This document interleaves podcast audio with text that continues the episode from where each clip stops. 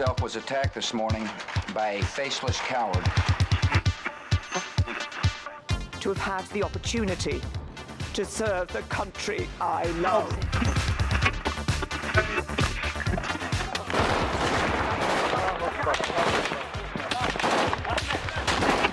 Den Einsatz für Frieden und Freiheit in Deutschland, in Europa und in der Welt. We will southern border.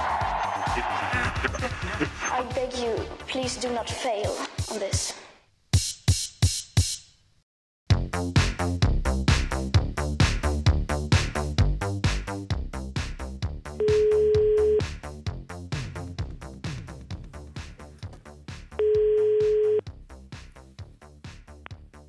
Halló?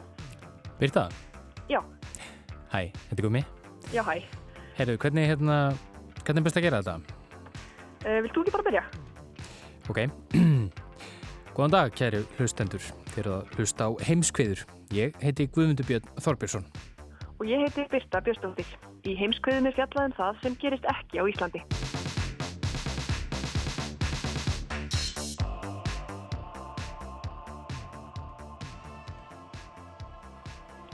Já, eins og þið kannski heyrið kæru hlustendur, þá eru við Guðmundur Björn að tala saman í síma. Þáttur að vera stödd í sama húsinu.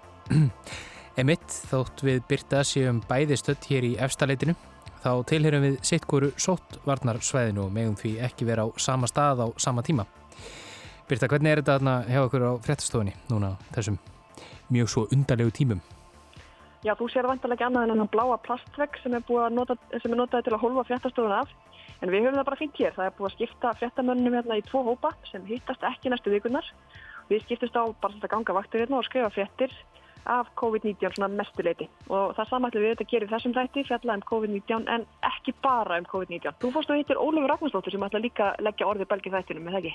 Jú, emitt, og hún ætlar ekki, ekki að fjalla um COVID-19, það er endar COVID-19 kemur aðeins við sögu í, hennar peisli, hún ætlar að fjalla um um konungsfjölskylduna í Sáti-Arabíu, en tveir af hæst settu mönnum konungsfjölskyldunar við þar í landi voru handteknir á dögunum. Báðir eiga þeir tilkall til krúnunar, sangat hefðum og annar þeirra er bróðir sjálfs Salmans konungs. Og ég meina Ólaf getur heldur ekki komið inn í stúdíu og tekið upp sína písla eins og vennilega það. Nei, einmitt, Ólöf hún er í sótkví og það eh, jók aðeins á uh, erfileikana við framleiðslu þessa þáttar en við fundum leið í kringum það. Og svo ætla ég að fjalla um um Donald Trump, bandarækjafósita og viðbröð hans við uh, koronaveirunni og COVID-19 faraldrinum. Og svo einnig e, það sem svona hittadrið sem er hægt í bandaræskum stjórnmálum þessum undir. Svo staðrænt að Joe Biden e, virðist vera að tryggja sér útnefningu demokrataflokksins sem fósettæfni flokksins í fósettakostningunum næsta haust. Ég kíkti á hana Silju Báru Ómarsdóttur í heldur tómlegum Háskóla Íslands á dögunum og rætti þetta við hana. En e, þú hefur aðeins verið að fylgjast með gangi mála í Evrópu í tengslu við COVID-19 um, og svona kannski fylgst með því sem hefur verið að gerast já, eftir síðasta þátt okkar þar sem við fórum aðeins yfir, yfir þetta mál vilt ekki aðeins bara núna skauta yfir það helsta sem hefur verið að gerast í vikunni ef, ef það er hægt? Jú, það er sjálfsagt mál.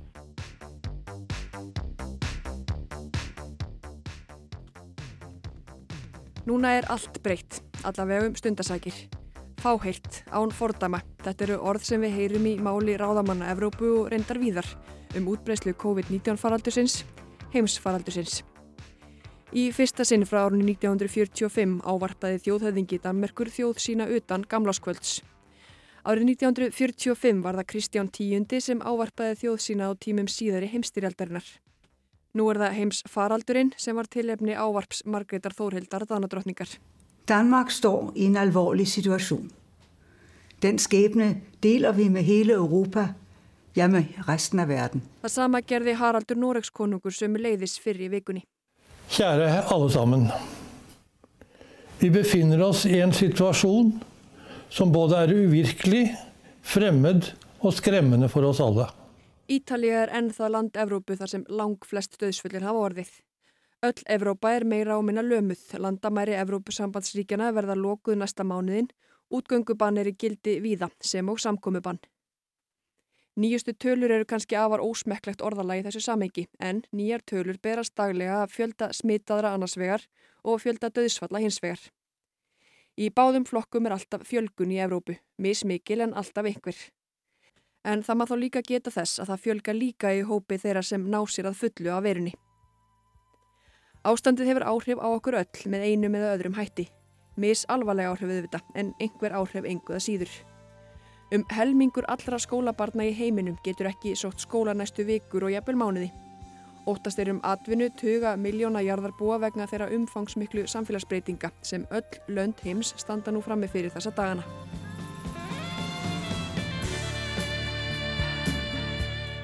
Við fjöldluðum í síðasta þætti hvaða áhrif útbreysla veirunar hefur haft á keppnisýþróttir í heiminum öllum.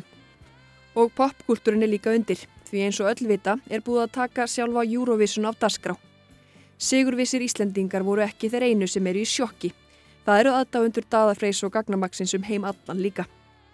Daddy Fryer joins us now from Berlin. Daddy, it's really good of you to join us. And, and, I'm really sorry. I'm really sorry because it's such a good tune. And I think you would have mm-hmm. been in the running, really in the running. Well, look, I don't know if you can see this where you are, but I've awarded you 12 points from the London jury, okay? 12 oh, points. Wow. So before we go, because everybody's going to be in self-isolation, so we need to keep fit, will you stand up and show me some of the moves in that dance? What do we need to do? Oh, then I, well, I would have worn different pants if I knew, knew that Oh, careful. Þarna heyrðum við bút úr viðtali við Daða sem teki var í fréttatíma BBC World á miðugudaskvöld þar sem Daði fekk formlega 12 stig frá Lundunum, að mati fréttaþularins allavega. Og talandum fréttir, eða þú veist falsfréttir, nú sem aldrei fyrr blómstra þær á netinu. Allir eru sérfræðingar í sóttvörnum, vita hvernig veiran breyðist út og hvað á að gera alla forðat smitt. Ætli falsfrétta mókullin bandaríski, Alex Jones, hafi ekki slegið eitthvað skonar met í þeim efnum. Við höfum áður fjallaðum Alex Jones í heimskviðum og þá í samhengi við réttarhöld vegna falsfrétta um að skot árásin í Sandy Hook barnaskólinum hafi aldrei átt sér stað. En núna út af öðru. Ríkisaksóknari í New York hefur mælst til þess að Alex Jones hætti snarast að selja tannkrem á heimasíðinni sinni. Tannkrem sem hann fullir að geti nýst sem príðis forvörd gegn COVID-19 smiti. Og eins og framöfu komið hér að framaverðu hefur útbreysla COVID-19 áhrifum allan heim. Það er á meðal í bandaríkjónum þar sem fórseti landsins stendur nú í ströngu en það sætir hann harðri gaggrinni fyrir viðbröð sín við útbreyslu faraldusins. Og í ofanarlag þá eru fórsetakostningar landinu næsta haust. Guðmundur Björn tekur nú við og fjallar um áhrif þessa heimsfaraldurs á bandarísk stjórnmál sem og forvald demokrata sem verðist svo gott sem lokið. Og gott ef hann hefur ekki fundið anserind góðan viðmælanda þó flestir landsmenn hafi nú hægt um sig.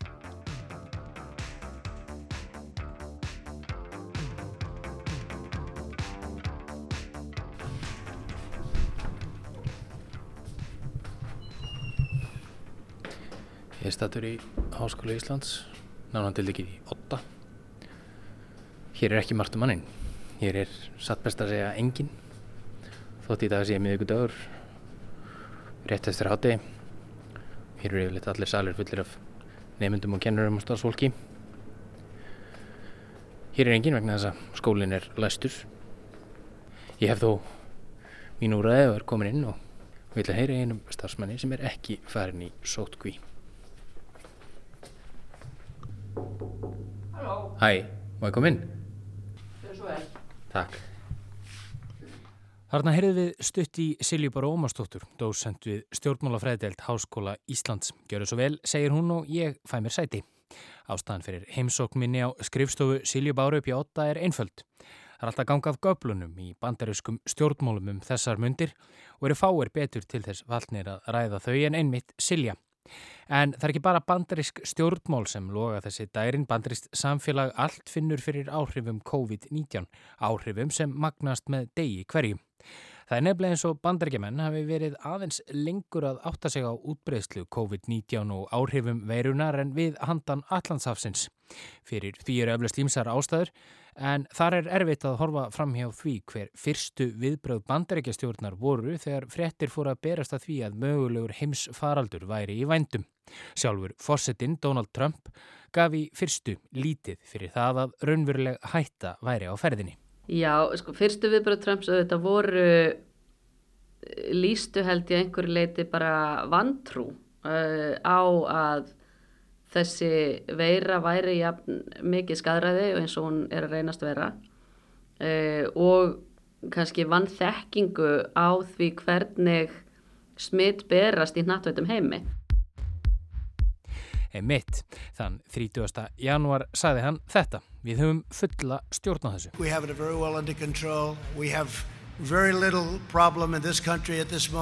Þann annan februar sagði hann að þessum kínverska vágjasti væri nokkurn veginn búið að koma fyrir Katanef. Well, we pretty much shut it down coming in from China. We're going to see what happens, but we did shut it down, yes. Svo spáði hann því þann 10. februar að veran myndi hverfa í april með hækkandi sól. You know,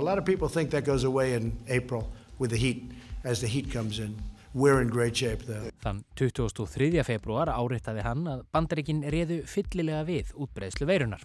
We have it very much under control in this country. Og 27. februar sagði hann að einmitt vegna þeirra aðgerða sem bandaríkin hefðu farið í væri lítil hætt á ferðum. Because of all we've done, the risk to the American people remains very low. Og daginn eftir fullirti hann að einn góðan veðurdag myndi COVID-19 einfallega hverfa. Kraftaverki líkast. It's going to disappear. One day it's like a miracle. It will disappear. You know, it could get worse before it gets better. It could maybe go away. We'll see what happens. Nobody really knows. Og svo kendi hann demokrutum um að nota COVID-19 í pólitískum tilgangi. Now the Democrats are politicizing the coronavirus. You know that, right? Coronavirus. And this is their new hoax. En þessi tilraun Trumps til að gera lítið úr COVID-19 verðist hafa snúist í höndunum á honum.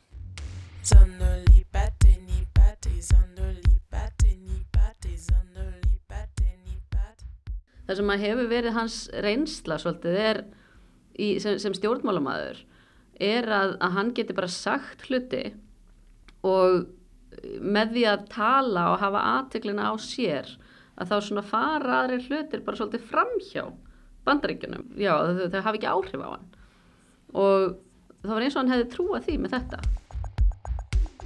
En svo er eins og hann hafi emmitt átt að sig á þessum. Talsmóti fórsetans fór að breytast og kvítahúsið fór að grípa til aðgerða. Nokkuð rótækra meira að segja. Þann 7. mars ákveður Trump að gefa heilbreyðskerfinu 8,3 miljardar dollara innspýtingu til að bregðast við útbreyðslu COVID-19. Dægin eftir ákveðan að kyrsetja á fjóruða þúsund áhafnarmeðlimi og farþega á skemmtifærðarskipinu Grand Princess sem komað höfn í San Francisco. Skjóð stefnubreiting Trumps vakti aðtegli en viðbröð hans þóttu líka að bera geim af ákveðinni varnartaktík. Þegar að, að síkingin kemur upp á þessu skemmtifærðarskipi að hérna, við, við ætlum ekki að hleypa því í land vegna þess að þá hækka smittalan og það er ekki okkur að kenna einhver svona, þetta var svona eins og smákrakki einhvern veginn að, að þú veist, jú, það, þú veist það brotnaði allt matastælið en sko ég opnaði bara eitt skáp Skjót útbreysla veirunar í bandaríkunum en nefnilega alls ekki lélugum viðbröðum bandaríkjastjórnar að kenna. Núna bara fyrir þá hvað, tæpar tvær vikur þegar hann loksins stífur fram og, og viðkennir að það þarf að fara að breyðast við að þá er þetta enþá svona hann, hann notar enþá sko kynverski vírusinn, útlenski vírusinn að hérna svona orðræðu sem að, að leggur áherslu á það að það sé ekki sko hans verk eða hans ríkistjórn sem að uh, við sé að sakast um, uh, hérna, um ástandið. Síðustu daga hefur Trump leiðið undir nokkur í gaggríni fyrir einmitt þetta orðalag. Þetta hafa fjölmarkir bandrækjumenn af asískum uppruna orðið fyrir aðkasti tengdu útbreyslu veirunar í bandrækjunum.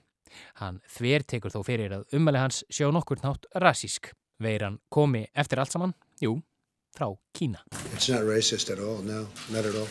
It comes from China. That's why. It comes from China. I want to be accurate. Yeah, please, John, please.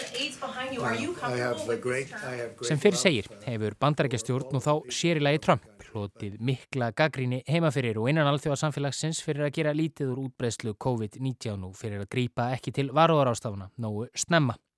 Trump ákvað vissulega að loka allt flug frá Evrópu til bandaríkjana í síðustu viku viðbröðu sem sent verða kölluð væg. En enga síður vaknar upp svo spurning hvort dræm viðbröð Trumps í upphafi við útbreyslu faraldursins og svo snarpa stefnubreiting sem nú hefur orðið sé á einhvern nátt dæmigerð fyrir Trump og hans pólitík.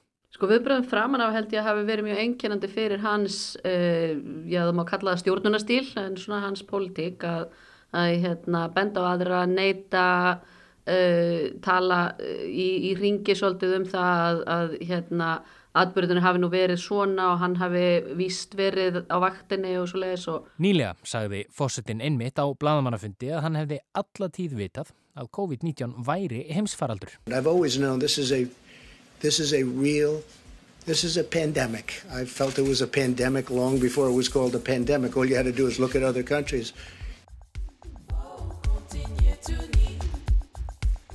Þessi breyting á orðræðu Trumps kann að stafa því að í ár er kostningár. Þótt ekki sé kosið fyrir ný byrjun november, þá líður tíminn hratt og nýjustu tíðindi úr herbúðum demokrata eru ekki góð fyrir sitjandi fórseta. Joe Biden er, eins og komiður að síðar í þessum pisli, svo gott sem búin að tryggja sér útnefningu demokrataflokksins. Silja Bára telur að republikanar hafi gert ráð fyrir því að demokrater erðu í innri slagsmálum um hver er því fórsetefni flokksins langt fram á sömar. En Biden er nú þegar farin að einbita sér á Trump. Og því hafi Trump nú rankað við sér. Hann sé því nú farin að setja sér í stellingar landsföðursins og taka ábyrð að minnstakosti að einhverju leiti. En það hefur ekki gengið neitt sérstaklega vel eins og síðustu dagar sína. Já, þú veist, að meira segja þegar hann er að reyna að stíga þessi skref og reyna að sína ábyrð og, og hérna, uh, já, sína að, að honum sé treystandi, að þá svona stígur hann einhvern veginn eða bregður fæti fyrir sjálfan sig. Og það er eitthvað sem að, hérna, gæti glemst ef að, ef að þessi viðbröð ganga upp.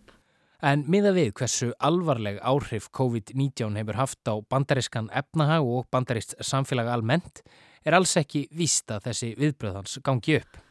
Það sem að kannski mun hafa mest áhrif á þetta er að, að og sennilega ástæðan fyrir því að hann svona hætti að, að hérna, skjóta á allt og alla og fór að, að taka þetta alvarlega er að, að það er mjög sterk fylgni á milli þess að það sé slæmt efnagsástand á öðrum ársfjórðingi kostninga árs og að sitjandi fórstætti tapi kostningum.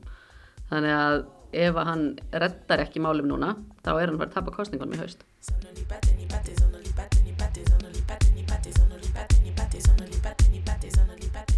Og þá skulum við venda okkar hvæði í kross. En þó ekki alveg, við höldum okkur í bandarískum stjórnmálum og við bandaríska fósetta, eða kannski réttar sagt fósetta efni. Og segjum ekki alveg skiljiði Siljubáru strax, síðustu vikur hafa verið ansi reynd góðar fyrir Joe Biden sem veriðist nú svo gott sem búin að tryggja sér útnefningu demokrata fyrir fósettakostningallar næsta haust. Í síðustu viku jók Biden fórskot sitt á keppinautsinn Bernie Sanders með sigurum í forvali flokksins í nokkrum ríkjum, meðal hans í Michigan, ríki sem Sanders hafði unnið í forvalinu 2016 þegar hann kefti við Hillary Clinton um útnefninguna. Þeir félagar mættust svo í kappræðum á sunnutaskvöld í tómu og sóttrænsuðu myndveri CNN. Og uh, allan að fjölmjölir bandarækjunum virtust flestir svona á því að að Biden hefði staðið þarna uppi sem, sem sigurveri eins og í kostningunum og kannski að sérst, hans árangur í kostningunum hafi verið að, að svona styrkjan. Og á þriðdægin virðist sem kapplaupið hafi klárast að mestu leiti þegar Joe Biden vann örugan sigur á Sanders í Florida, Arizona og, Illinois. Biden hefur því tryggt sér vel á 12. hundrað landsfundar fulltrúa en Sanders í kringum 860. Sanders hefur þó ekki kastaðin handklæðinu ennþá og brást ókvæða við spurningu fréttamanns á miðugudaginn um hvenar hann hefðist gefa út hvort hann ætlaði að halda baráttunni áfram. What's your time frame for making a decision? I'm dealing with a global crisis. Ég hef ekki tíma fyrir þetta, sagði Sanders sér að fást við helvítis heimsfaraldur. Svo morguru þau orð.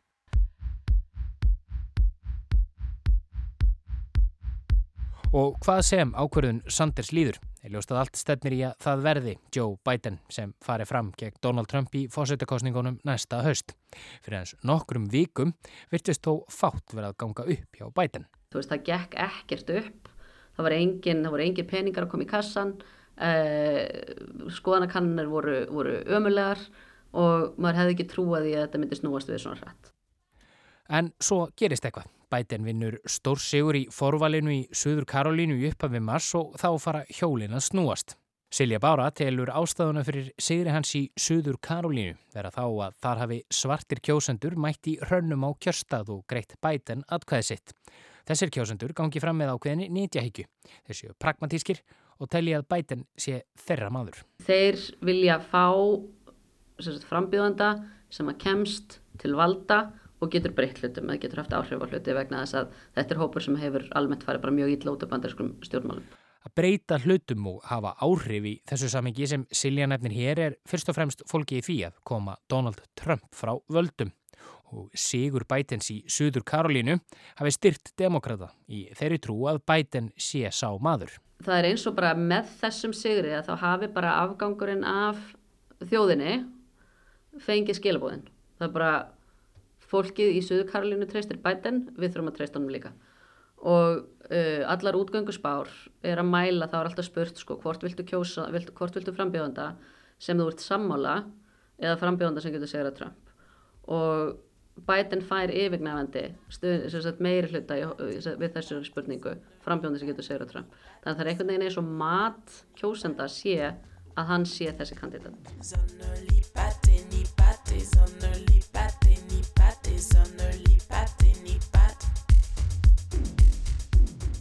En ein af ástæðum þess að demokrater þurftu að lúta í læra haldi fyrir Donald Trump árið 2016 var einmitt svo að Hillary Clinton þótt ekki nógu frambærilegur eða einhverju leiti frumlegur eða nýstárlegur frambjöðandi. Er Joe Biden, 77 ára gammal kvítur Karl sem er að mörgum talin íhaldsum Karlremba, sá frambjöðandi? Silja bara, telur að það sé einmitt vegna þess hve líkur Biden er Trump að mörguleiti að fólk trúi því að hann geti skákað honum og þannig ertu bara að koma með, svona karlmann, eldri karlmann sem einhvern veginn svona er bara fulltrúi yfirskipara karlmennsku og það bara, getur bara verið erfitt fyrir Trump einhvern veginn að koma á hann höggi þó svo hann sé fulltrúi hérna svona stofnarnavætra uh, stjórnmála. Mún auðveldra væri fyrir Trump að koma höggi á Bernie Sanders frambjöðanda sem er að öllu leiti mun rótækari en Joe Biden. Já, hann auðvitað talar fyrir sjónamið sem hafa verið jáðar sjónamið í bandaríkjunum almennt, veist, og hann, hann notar merkið með það sem að, að eldri uh, bandaríkjumennum sérstaklega finnst óþægilegir, eins og að segja sósialisti. Ef hann hefði snúið við og notað, sko, þú veist, sagt ég er sósialdemokrati í staðan fyrir að segja ég er eh, demokratískur sósialisti, þá hefði það, sko, verið auðveldara einhvern veginn svona sem, uh, já, svona, hvað, markaðsvara. Mm -hmm. Um, en hann er líka ekki demokrati.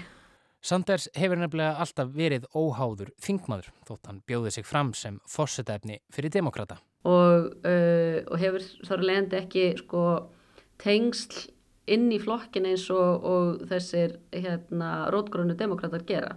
Þá tilur Silja að þrátt fyrir yfirvofandi ósigur Sandes í forvalið demokrata í ár sög vinsældir hans til marksum ákveðnar breytingar í bandarísku samfélagi. Ef hann, setti þessar hugmyndir á borðið þá uh, myndi það ganga mjög vel held ég í flestum Evropalöndum. Fyrir bandarækjumenn eru það mörguleiti framandi en það sýnir sig kannski bara hvað breytinga er að vænta þar, hversu mikið stöðning hann hefur haft meðal ungra kjósenda. En það er líka að hann hefur ekki náð að tengjast uh, við kjósundur af öðrum hérna, öðru litrafti.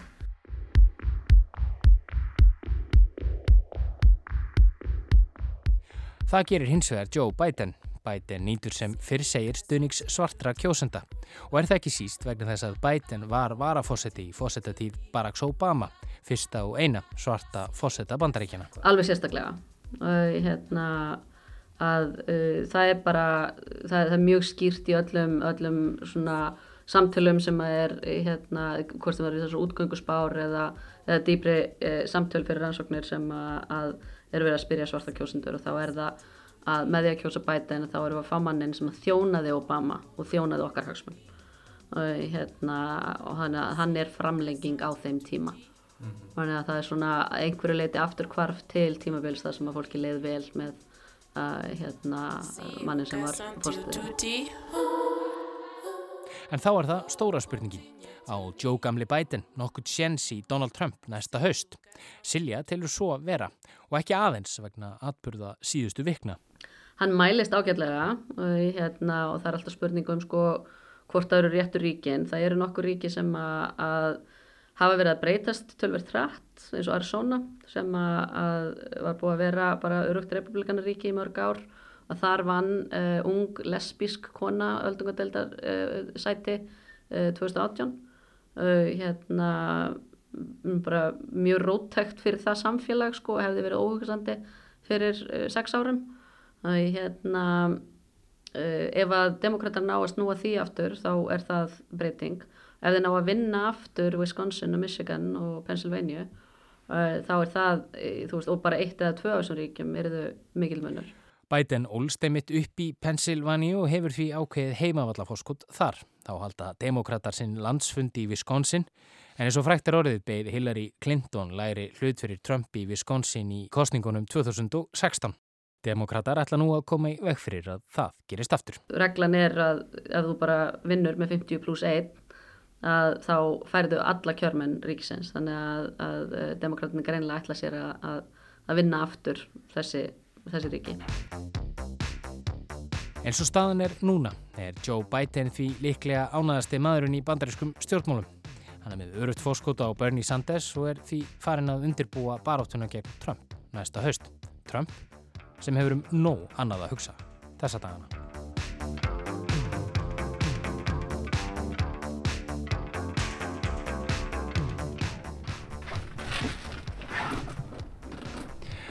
Þá er ég komin í Laugadalinn. Hér býr Óluf Ragnarstóttir, frettamæður, en hún er í sótkví. En það stoppar hana þó ekki að flytja pistil í heimskviður. Ég er hérna komin með mikrofón til hennar. Hæ. Hæ, herru ég er með, með mækin hérna handaðir. Já, það er því að við getum bjóðað þér inn fyrir. Nei, emitt, skulum halda hérna ákveðinu fjallað bara. Uh, þú bara sendir mér þetta, eða ekki? Jú, ég sendir bara tölvupósti.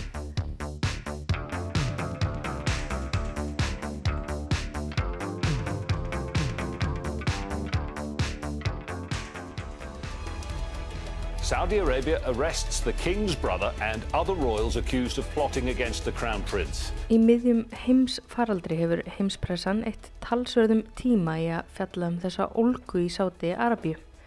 En það er þetta alls ekkert smá mál. Það er ekki á hverjum degi sem bróðir Salmans bin Abdulaziz al-Saud, betur þögtur sem Salman konungur, er handtekinn á samt frendaðira. Báðir voru afar hátt settir innan al-Saud konungsfjölskyldunar sem ræður öllu í landinu. Mohammed bin Nayef prins, frendin sem var handtekinn, var um tíma næstur í rauðinni til þess að verða konungur landsins. En það var í júni árið 2017 sem Salman konungur gaf út tilskipun þess efnis að sonur hans, Mohammed bin Salman, taki við embættum bin Nayef innan stjórnkerfisins og verði krónprins Sáti Arabíu. En hvers vegna voru þessir ágætu menn handteknir? What's prompted it is very difficult to ascertain, needless to say, because Saudi is a very closed culture in terms of lack of transparency and uh, no media freedom there. But also what's peculiar... Það er erfitt að segja til um það, segir Jamal El-Shayel, fréttaritari Al Jazeera.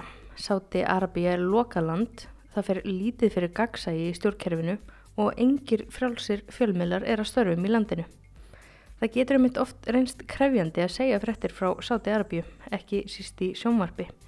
Nefna þeir séu um eitthvað sem yfirvöldi Sáti Arabíu vilja dreifa sem víðast.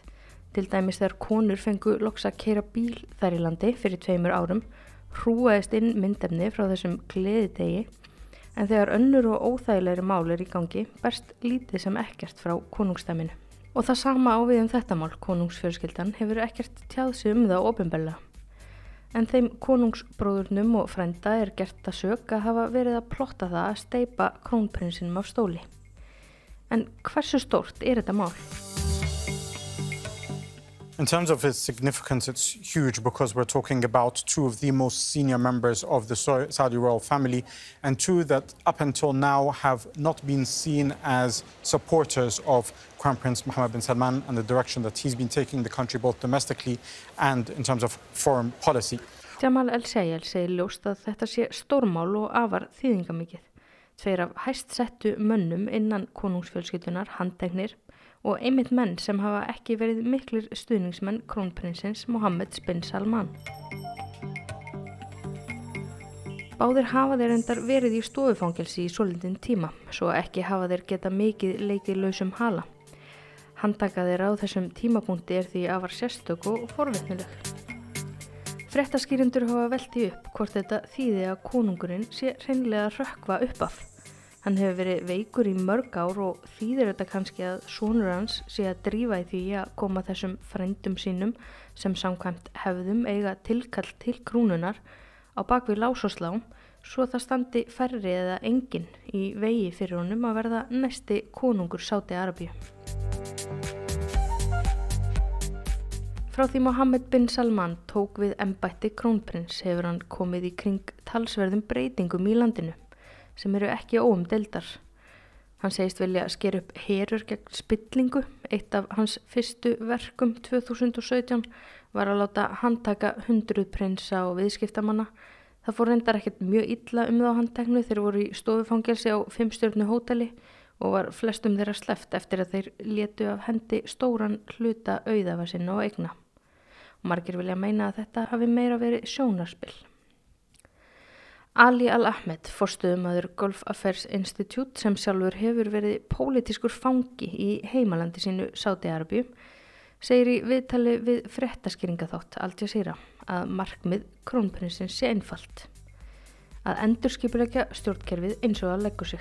That's part of the plan, in fact, that to create a new system based on what we call a vertical uh, uh, process where the, the rule goes from father to son and that will start with Mohammed bin Salman. Uh, now his father has given him uh, uh, the throne and then he will do that to his own son. Sem sagt að eiga breyta kerfinu þannig að völdin færist frá föður til sonar, fremur en innan át stór fjölskyldunar sem er jú gríðar stór. Hún telur um 15.000 manns. Ágætis ættamót það. So in, to, in order to achieve that, we, they need to clean house and strip uh, down the monarchy to a bare minimum to, to, uh, to basically to what we, people call a Salman uh, ruling family, not Al Saud. Valdið verði ekki lengur innan Al Saud fjölskyldunar heldur alfarið hjá Salman fjölskyldunni.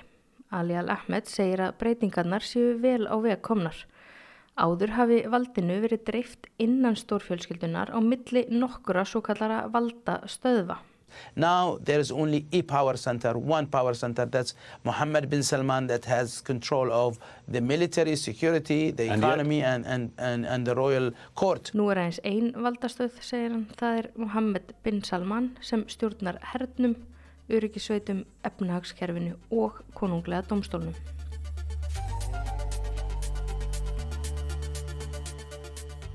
Það er óætt að segja að Mohammed bin Salman sé umdeldur. Þeir muni kannski eftir einu af stóru frettamálum ásins 2018. Let me tell you, Turkish officials here are convinced that the killing of Jamal Khashoggi was a premeditated murder. Sáti-arabiski bladamæðurinn Jamal Khashoggi var myrtur í sendiráði Sáti-araba í Tyrklandi í oktober 2018. Málið vakti fljótlega heimsatikli og í upphafi staðhæfðu sátar að Khashoggi hefði yfirgefið sendiráðskrifstofuna heitla húfi en dróði síðar í land, viðurkendu morðið og handtóku átján manns. En það duði ekki til, þau eru enn mörg sem halda því fram að það hafi verið krónprinsinn sjálfur sem fyrirskipaði morðið.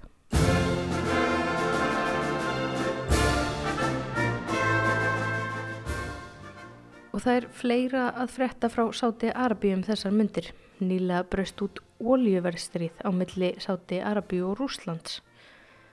Síðustu þrjú ár hafa þessi tvö ríki unnið saman eða öllu heldur Rúsland unnið með OPEC samtökum ólíuframlegsluríkja sem eru leitt af Sáti Arabíu að því að halda ólíuverði uppi.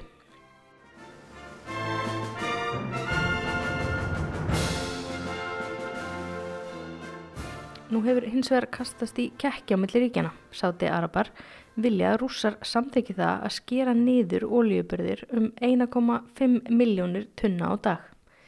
Ástæðan fyrir því tengist jú eins og flest annað þessa dagana COVID-19 heims faraldrinum. Frambóð ólíur nefnilega orðið mun meira en eftirspurnin. Þar spilar Kína stórt hlutverk, landið þar sem útbreysla veirunar hófstum áramót. Það er nefnilega líka það land sem flytur inn mesta ólju og þar var innflutningur á miklu leiti stöðvaður. Mánudaginn 9. mars hrundi olíuverð um 30% sem er meira en það hafi gert á einum degi frá því Persaflóastriði hófst árið 1991. Helgina áður höfðu sátar lækkað verð á sinni olju eftir að hafa mistekist að samfæra rúsa um að draga úr framleyslu. Þannan mánudag 9. mass fór verðið niður í rétt rúmlega 30 dollara á tunnu. Síðasta miðvíkudag var það komið niður í 25 dollara.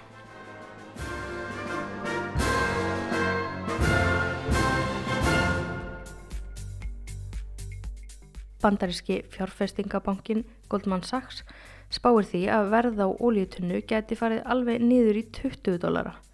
En til þess að allt gangi smurt í Sáti Arabíu, þar sem fjárhagur landsins stendur og fellur að mestu leiti með ólíu, þarf verðið að vera mun herra eða í kringum 82 dólara á tunnu. Samkvæmt alþjóða gældir í sjónum dugir rúsum að halda verðinu í kringum 42 dólara. En það er fleira á bakvið þetta nýtilkomna ólíuverstrið milli Sáti Araba og rúsa. Málefni Venezuela koma einnig við sögu, en um þau hefur verið fjallað áður hér í heimskuðum oftar en einu sinni.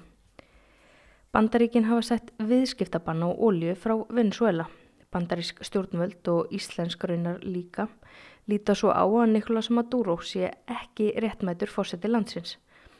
Ólja er allsráðandi þegar kemur að efnahægi Venezuela og hafa yfirvöld þær í landi, réttmætt eða óréttmætt, það far eftir því hvað þú spyrð, átt bandamann í rúsum á meðan bandaríkinn stiða Juan Guaidó sem í fyrra listi sjálfan sig fórseta landsins.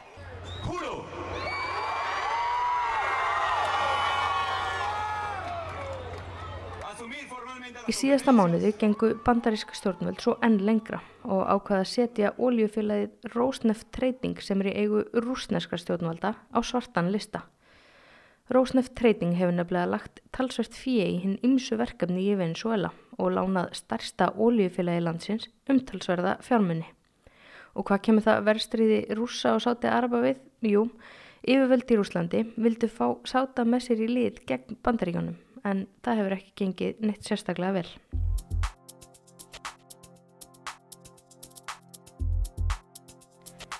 En hversu mikla ólju eiga sáti arabar og rúsar? Í sáti arabíu koma 80% tekna ríkisins af fráólju.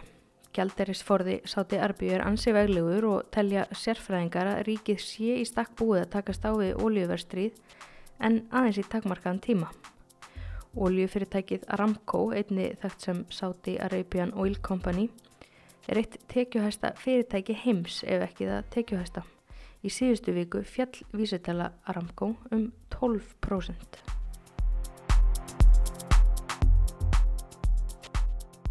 Sáti Arabia er sem fyrir segir leiðandi innan OPEC. 13 ríki eru aðeilara samtökunum, 5 í miðausturlöndum, 7 Afrikuríki og 1 í Suður Ameríku. Eftir því sem næst verður komist framlega þessi 13 ríki tæplega helming allarar ólíu í heiminum. Þá setja þau saman að rúmlega 80% allara ólíubyrða heimsins. Þar á Sáti Arabia næst mestar ólíubyrðir af ríkim heimsins á eftir Venezuela.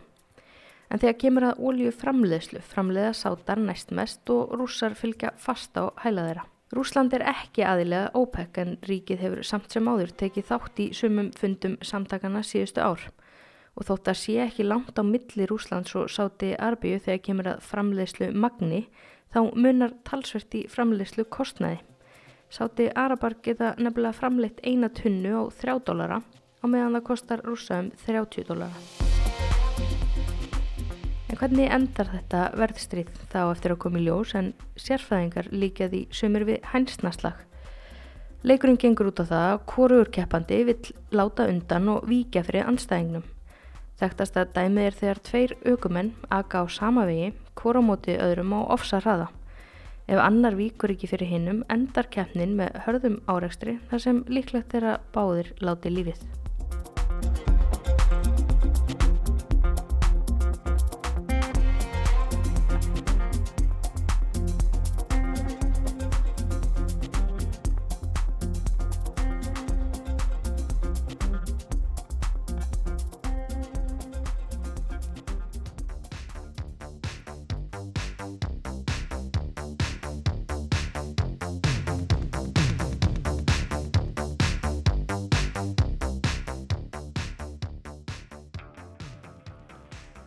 Birta, ertu, ertu að þá? Já, ég er hér. Ef við ekki að hérna bara fara að ljúka þessu, hvað er það?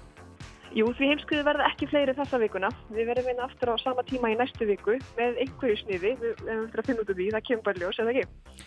Jú, emitt og svona í middeltíðinni þá uh, má hlusta á heimskuður langt, langt aftur í tíman á iTunes og Spotify og Roof.is og Sarpnum og öllu þessu og það er kannski, er ekki ágætt að minna á það núna þegar fólk er í sótkví og einangrun að, heimskviður eru ekki bundnar við þá vikuna sem þær eru fluttar. Nei, það er alls konar tímalust efni að finna inn á milli og ég held að umfylgjunarefni eða pislarnir sem við erum búin að gera gegnum tíðana séu slægi upp í hundrað stykki. Þannig að ég held að allir sem eru heima og hérna, þurfa að drepa tíma ætti að geta fundið eitthvað að hlusta hónandi. Emitt, en þá bara hvaði við, uh, við þökkum þeim sem hlýtu. Og heyrumst aftur í næstu viku.